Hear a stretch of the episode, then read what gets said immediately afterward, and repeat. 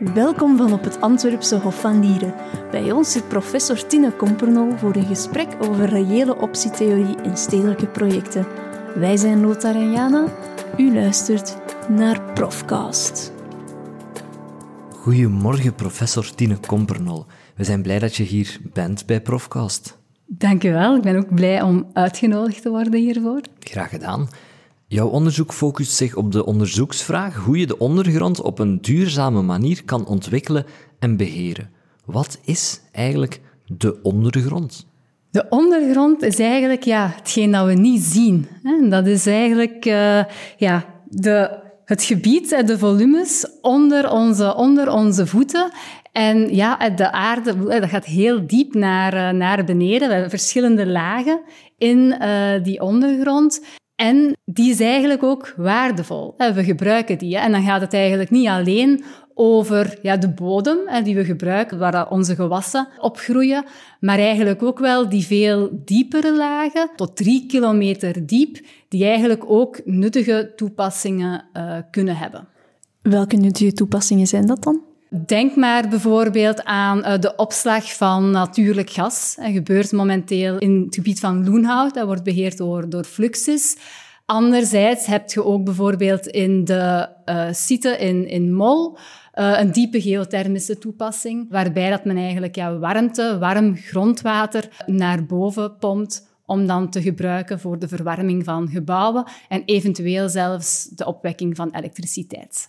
En dat is dan ook een beetje het economische, de economische kant daaraan waarschijnlijk. Dat je voor die grond uh, zoveel mogelijk goede toepassingen wilt hebben. Wat we eigenlijk willen is onderzoeken hoe dat we die ondergrond op een zo duurzaam mogelijke manier kunnen beheren.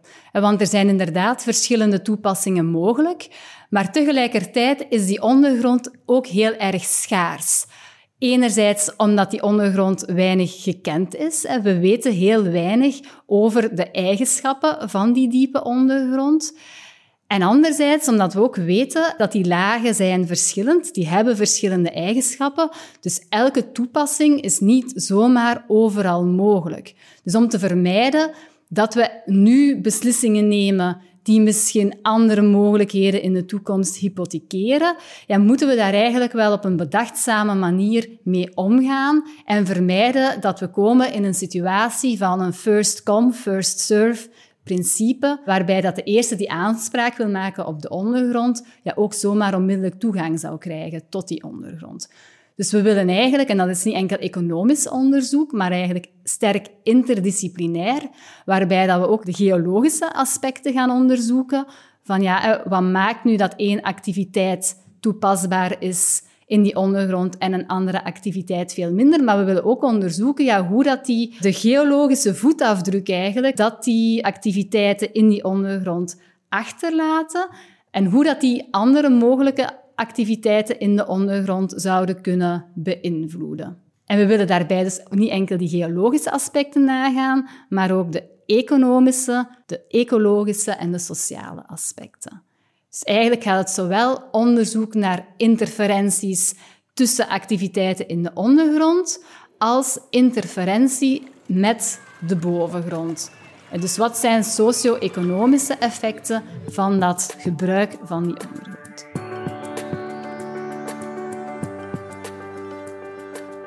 We moeten ons aanpassen aan de klimaatveranderingen en de ondergrond kan daar een rol in spelen. Van jaren 60, jaren 70 zijn er al verschillende rapporten die aangeven dat er voorzichtig moet omgesprongen worden met onze natuurlijke omgeving. Die inzichten eh, die zijn er al lange tijd en we voelen meer en meer de gevolgen van de klimaatverandering. We weten dat de CO2-uitstoot, dat uitstoot van broeikasgassen, dat die de opwarming van de aarde veroorzaken dat dat klimaatveranderingen eh, met zich meebrengt. En dat we niet alleen die uitstoot van die broeikasgassen moeten beperken, maar dat we ons ook gaan moeten aanpassen aan de gevolgen van klimaatverandering. En ook daar speelt die ondergrond een belangrijke rol in. Of daar kan die ondergrond een rol in hebben. Enerzijds is die ook mee verantwoordelijk voor die klimaatverandering. Dus denk maar door de winning van olie en gas.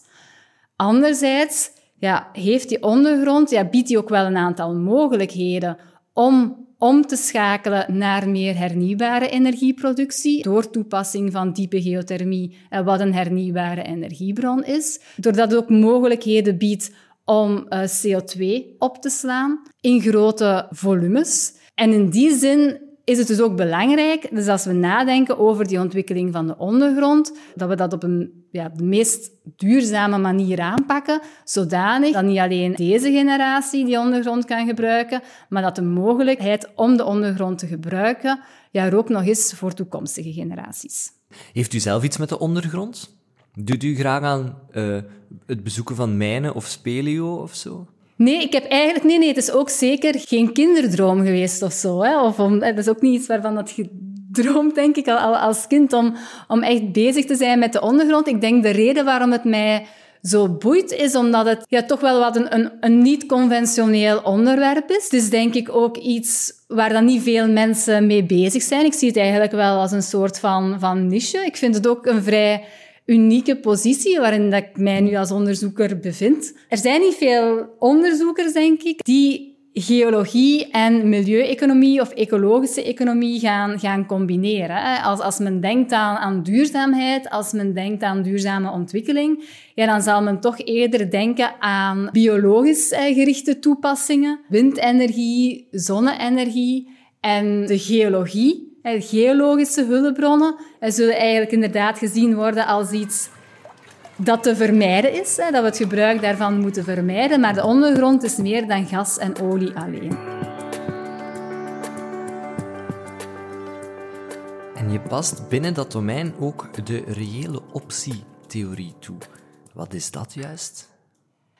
Ja, dus reële optietheorie gaat eigenlijk over hoe beslissingen nemen onder onzekerheid. Belangrijk daarbij is eigenlijk dat ik duidelijk een onderscheid wil maken tussen een goede uitkomst en een goede beslissing. Dat zijn eigenlijk twee verschillende dingen. Een goede uitkomst hebben we niet altijd in de hand. Een goede beslissing hebben we wel in de hand. En een voorbeeld dat ik daarbij vaak geef, is, eh, stel dat je, en nu dat terug, dat we een beetje uit de coronatoestand zijn, stel dat je naar een feestje gaat en je hebt enorm veel gedronken. Je wil naar huis en dan ja, kan je beslissen van ja, rij ik met mijn eigen auto of ga ik toch een taxi bellen? En dan, ja, wat is dan de goede beslissing? Een taxi bellen? Een taxi bellen is een goede beslissing. Maar wat als dan die taxi tegen een boom rijdt en jij sterft? Dan is dat geen goede uitkomst, maar dat is wel nog altijd de goede beslissing geweest om, uh, om te nemen. En dat is eigenlijk een beetje het idee er rond. Hè. We kunnen onzekerheden niet wegnemen. Onzekerheden zijn, zijn niet te vermijden. Maar we kunnen wel een manier bedenken om om te gaan met onzekerheden. En dat is eigenlijk wat dat die reële optietheorie doet. Aangeven van ja, kijk, naast onzekerheid is er ook flexibiliteit. En flexibiliteit heeft een waarde. En als je beslissingen gaat maken, moet je eigenlijk niet alleen kijken naar die onzekerheden en onzekere uitkomsten van een mogelijke beslissing, maar ook nadenken over mogelijke flexibiliteitsopties die die onzekerheid zouden kunnen ondervangen. En ze gaan die onzekerheid niet wegnemen, die onzekerheid verdwijnt niet, maar kan wel extra waarde creëren, waardoor dat investeringen die bijvoorbeeld anders uitgesteld zouden worden, toch gaan gebeuren. Als voorbeeld van zo'n toepassing van de reële optietheorie haalt Tine geothermie aan. Dat is het opwekken van energie waarbij gebruik gemaakt wordt van het temperatuurverschil tussen het aardoppervlak en diep in de aarde gelegen warmtereservoirs. Dat is eigenlijk een ontwikkeling in de ondergrond die gebeurt in verschillende fasen. En het feit dat die gefaseerd verloopt, kan verlopen, maakt dat er flexibiliteit is om tussentijds die ontwikkeling ook stop te zetten. En het hebben van de mogelijkheid om zo'n investering stop te zetten of om zo'n ontwikkeling stop te zetten, maakt dat de eerste stap in die ontwikkeling, exploratie, wel vlugger genomen zal worden. Dus stel dat je die ontwikkeling zou beoordelen alsof dat het een ontwikkeling is die je in één keer doet. En je gaat kijken naar wat zijn mijn verwachte opbrengsten, wat zijn mijn verwachte kosten. Dan ga je daar eigenlijk op een heel negatieve waarde uitkomen. Dan ga je eigenlijk zeggen van oei, we moeten hier een eerste boring doen, een tweede boring doen. Er wordt grondwater gewonnen, we weten niet goed wat is die temperatuur, hoeveel die biedt, hoeveel grondwater gaan we naar boven kunnen halen. En dan gaat erop neerkomen dat je zegt van, kijk, mijn verwachte waarde van die ontwikkeling is eigenlijk negatief. Ik begin er niet aan. Maar als je zegt van, ja, we kunnen dat gefaseerd uitrollen en we hebben de mogelijkheid om na een eerste exploratiestap al te stoppen, om na een eerste boring te stoppen, ja, dan ga je zien dat het kunnen stoppen maakt dat je toekomstige verliezen kan vermijden. En die hoef je dan eigenlijk niet meer mee te tellen in die verdere investeringsbeoordeling. En maakt dus dat je wel gaat zeggen van ja, kijk, die eerste boring is verantwoord. Er is een kans dat we na zo'n eerste boring zullen stoppen. Dat kan, maar het is niet omdat we dan stoppen dat het de verkeerde beslissing was om te starten met zo'n eerste boring. Want je moet namelijk die boring doen om te leren over de ondergrond. Als je die boring niet doet, ja, dan ga je nooit weten welke temperatuur daar aanwezig is. Ga je nooit inzicht hebben in het debiet dat er naar boven gepompt kan worden.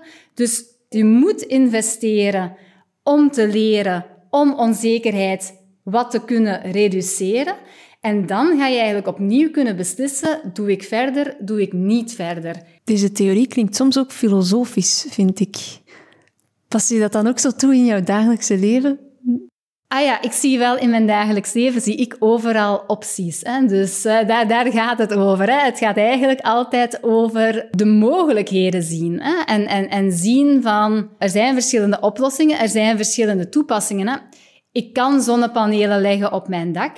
Zolang dat die er niet liggen, bestaat hè, de optie om ze te leggen. En dus ja, ik zie in elke beslissing, bij, bij elke besluitvorming, zijn die, zijn die opties, is er flexibiliteit aanwezig. De, de flexibiliteit die er altijd is, is eigenlijk de flexibiliteit om te wachten. En dat is ook wat we met die reële optieanalyse gaan, gaan berekenen. Hè. Is ook vaak de waarde van het wachten. Om zo eigenlijk u in te dekken tegen mogelijke toekomstige uh, verliezen.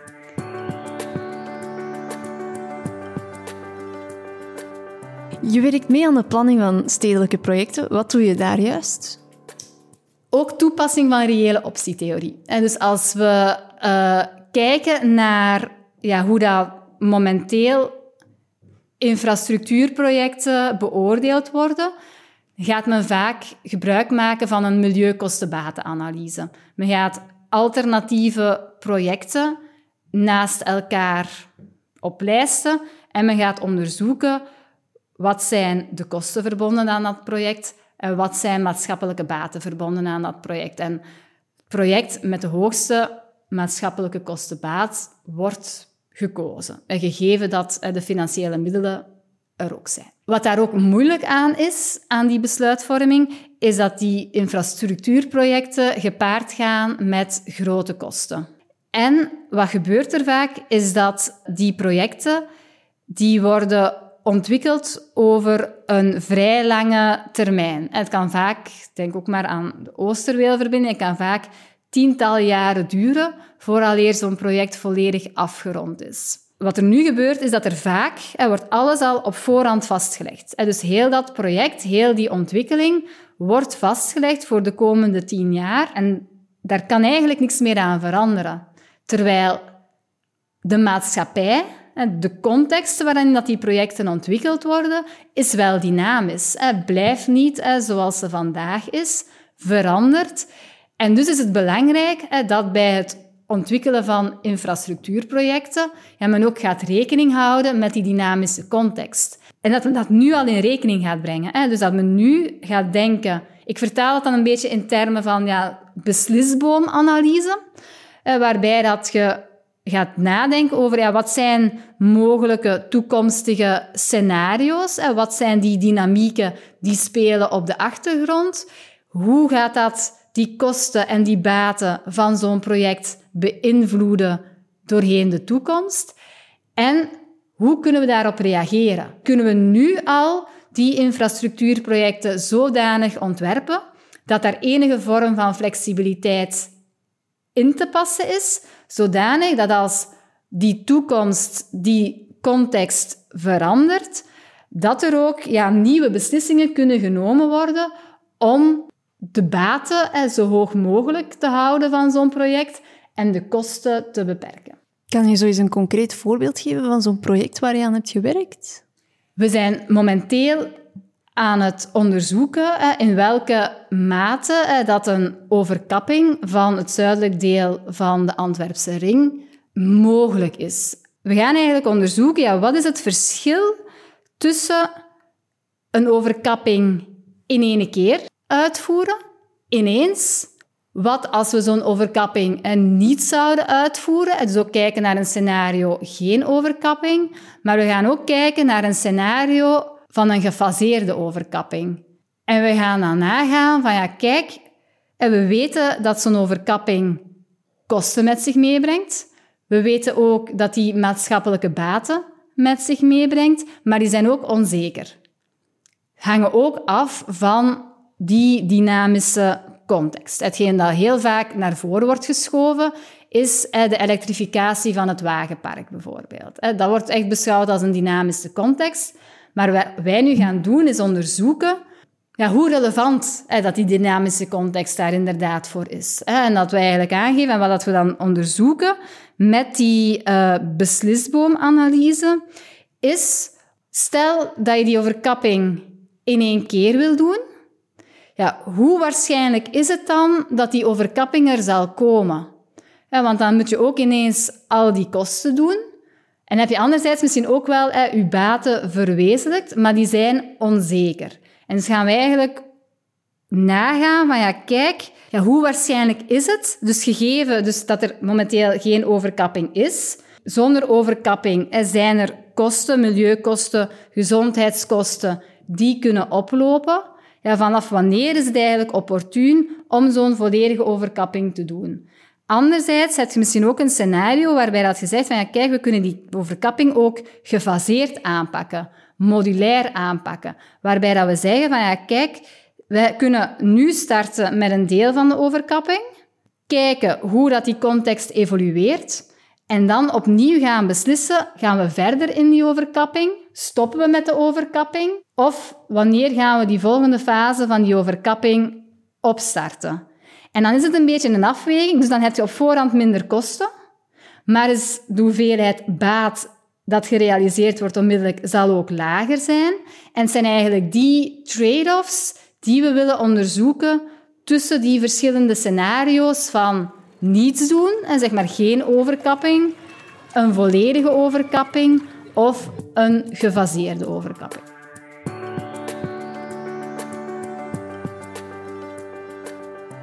Jij onderzoekt ook de optimalisatie van gecoördineerde investeringen in industriële symbiose, waarbij het afvalproject van firma A door firma B als grondstof ingezet kan worden. Hoe gaat dit in de praktijk? Hetgeen dat hier naar verwijst is, um, of het onderzoek dat ik heb uitgevoerd, gaat eigenlijk ook over het gebruik van CO2. Dus waarbij dat het ene bedrijf CO2 uitstoot als afvalproduct en eigenlijk de mogelijkheid heeft, de optie heeft, om die CO2 te gaan afvangen. Om, om te investeren in een installatie die die CO2 afvangt. Anderzijds heb je ook bedrijven uh, die die CO2 zouden kunnen gebruiken in hun productieproces. En zij hebben de mogelijkheid om de optie om CO2 te gaan gebruiken als grondstof. Wat zien we in de praktijk? Is toch ook nog altijd dat bedrijven nog altijd zullen evalueren of dat die investering voor hen de moeite waard is in termen van kosten en opbrengsten. Ja, als het voor hen voordeliger is om die CO2 uit te stoten, ja, dan zullen zij die CO2 uitstoten en niet in samenwerking gaan met een ander bedrijf die uh, die CO2 uh, zou gebruiken. En hetzelfde eigenlijk voor die andere partij.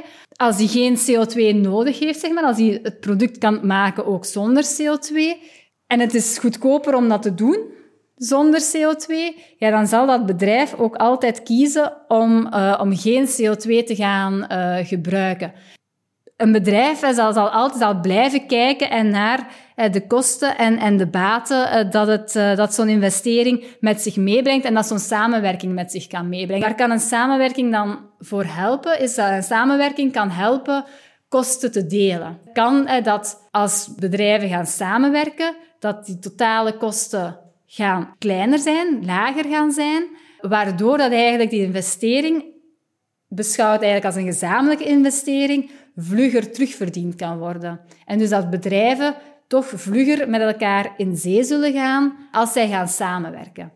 En wat dat we dan in ons onderzoek ook zien, ja, is dat als die prijsprocessen, dus dat zijn ook investeringsbeslissingen onder onzekerheid, dus het, bedrijven die actief zijn in twee verschillende markten, hebben, verkopen twee verschillende producten, maar als zij eigenlijk zien, dus als die markten met elkaar gecorreleerd zijn, dus zeg maar als er een prijsstijging gebeurt in de markt van CO2 en er gebeurt een prijsstijging in de markt uh, van het product waarvoor de CO2 gebruikt zou worden, en je ziet dat die, als die correlatie er is, dan gaat dat eigenlijk ook die investering toch gaan stimuleren. En dus ondanks dat je dan met meerdere onzekerheden te maken hebt, kunnen we wel aantonen dat als die prijsprocessen gecorreleerd zijn, dat dat eigenlijk niet alleen zorgt voor een soort van industriële symbiose, maar dat er ook een marktsymbiose optreedt, waarbij dat ja, investeringen toch sneller zullen gebeuren dan wanneer dat beide bedrijven apart blijven. Zou je daar eventueel eens een voorbeeld van kunnen geven? Want ik ben nu aan het denken aan een productieproces waar CO2 gebruikt wordt en ik kan alleen maar aan cola of bruiswater drinken. Drinken. Uh, drinken. Glastuinbouw. Uh, de productie van, van, van tomaten, van paprika's, er wordt ook uh, CO2 bijgevoed, zeg maar. En ik werk zelf ook samen met uh, onderzoekers chemie. En die gaan eigenlijk, of zij, gaan, zij onderzoeken momenteel ja, hoe dat zij CO2 kunnen omvormen naar andere chemische bouwstenen. Dat is eigenlijk nog geen afgewerkt product. Dat zijn dan eigenlijk, dat is binnen de chemie sector zijn dat, ja, ze noemen het bijna echt ja, chemical building blocks, net bouwstenen, waarbij dat er dan ja, de productie van, van methanol is het meest gekende voorbeeld, maar er zijn ook andere chemische producten, bouwstenen, die daarmee gemaakt kunnen worden, zeg maar. Dus waardoor dat er CO2-uitstoot toch vermeden kan worden. Professor Compernol doseert niet enkel vakken rond sustainability management aan de handelsingenieurs, maar ze doseert ook mee in het vak duurzaamheid dat door alle bachelorstudenten van de Universiteit Antwerpen gevolgd kan worden. Ik vind dat boeiend en ik vind dat ook goed. Of ik ben eigenlijk blij dat ik dat, dat ik dat mag doen, dat ik dat kan doen, want dan krijg ik de kans om aan heel veel jonge mensen uit te leggen, duidelijk te maken dat heel ons economisch systeem ook afhankelijk is van het natuurlijke systeem. Alles dat wij produceren, alles wat wij consumeren, daar gebruiken wij die natuurlijke omgeving voor. En niet alleen als input eh, voor die productieprocessen, maar we gebruiken die natuurlijke omgeving ook ja, voor de verwerking van die afvalproducten daarvan. En je merkt wel en meer en meer ja, dat, dat studenten daar mee bezig zijn en dat zij daar ook uh, vragen uh, rond hebben. En wat ik dan ook probeer duidelijk te maken, is dat economische groei, of iets als duurzame groei, ja, eigenlijk niet, niet kan of niet, niet mogelijk is. Hè. Net omdat ja, voor alles wat je maakt, ja, heb je een stukje van de natuurlijke omgeving nodig. En je kan wel een beetje gaan recycleren, maar uiteindelijk ook in een recyclageproces ga je eigenlijk altijd ja, nieuwe natuurlijke materialen moeten inzetten ook. Dus je kunt onmogelijk iets maken vanuit het niets. Dat gaat niet. En ja, die vakken ja, geven mij wel de mogelijkheid om dat kenbaar te maken, om dat duidelijk te maken aan studenten. Dat gaat dan niet over ja, economische wetten of maar dat gaat eigenlijk over ja, wetten uit de, uit de thermodynamica, uit de fysica. En dat staat vast. Daar kunnen we niet omheen. En wat daar ook bij belangrijk is om aan te geven, is dat als we kijken naar die natuurlijke omgeving, dat het ook belangrijk is om daarin te gaan investeren. Dus om aan te geven van ja, kijk, we kijken altijd, als we kijken naar productie en, en productieniveaus, dan is er altijd wel ergens een beperkende factor. Eh, voor de industriële revolutie konden we maar zoveel vis vangen als dat ons materiaal, onze boten, dat toelieten. Ondertussen is technologie zodanig geëvolueerd dat we alle vis uit de zee zouden kunnen vangen. We kunnen, we kunnen maar vis vangen totdat de vis op is. En dus in die zin, terwijl dat vroeger de beperkende factor op productie de technologie was, is nu de beperkende factor op productie de natuurlijke omgeving. En dus is het belangrijk dat we niet meer zozeer investeren in technologie, maar dat we gaan investeren in natuurlijke omgeving. Dus dat we er gaan voor zorgen dat er voldoende vissen zijn, dat onze bodem van voldoende kwaliteit is, omdat de kwaliteit van ons voedsel bepaald zal worden door de kwaliteit van onze bodem. En dat we moeten ervoor zorgen hè, dat we zuivere lucht hebben. Dus dat we daarin gaan, gaan investeren. Dat vind ik een heel mooie conclusie. Dankjewel voor het gesprek. Dit was Profcast met Tine Compernol. Bedankt voor het luisteren.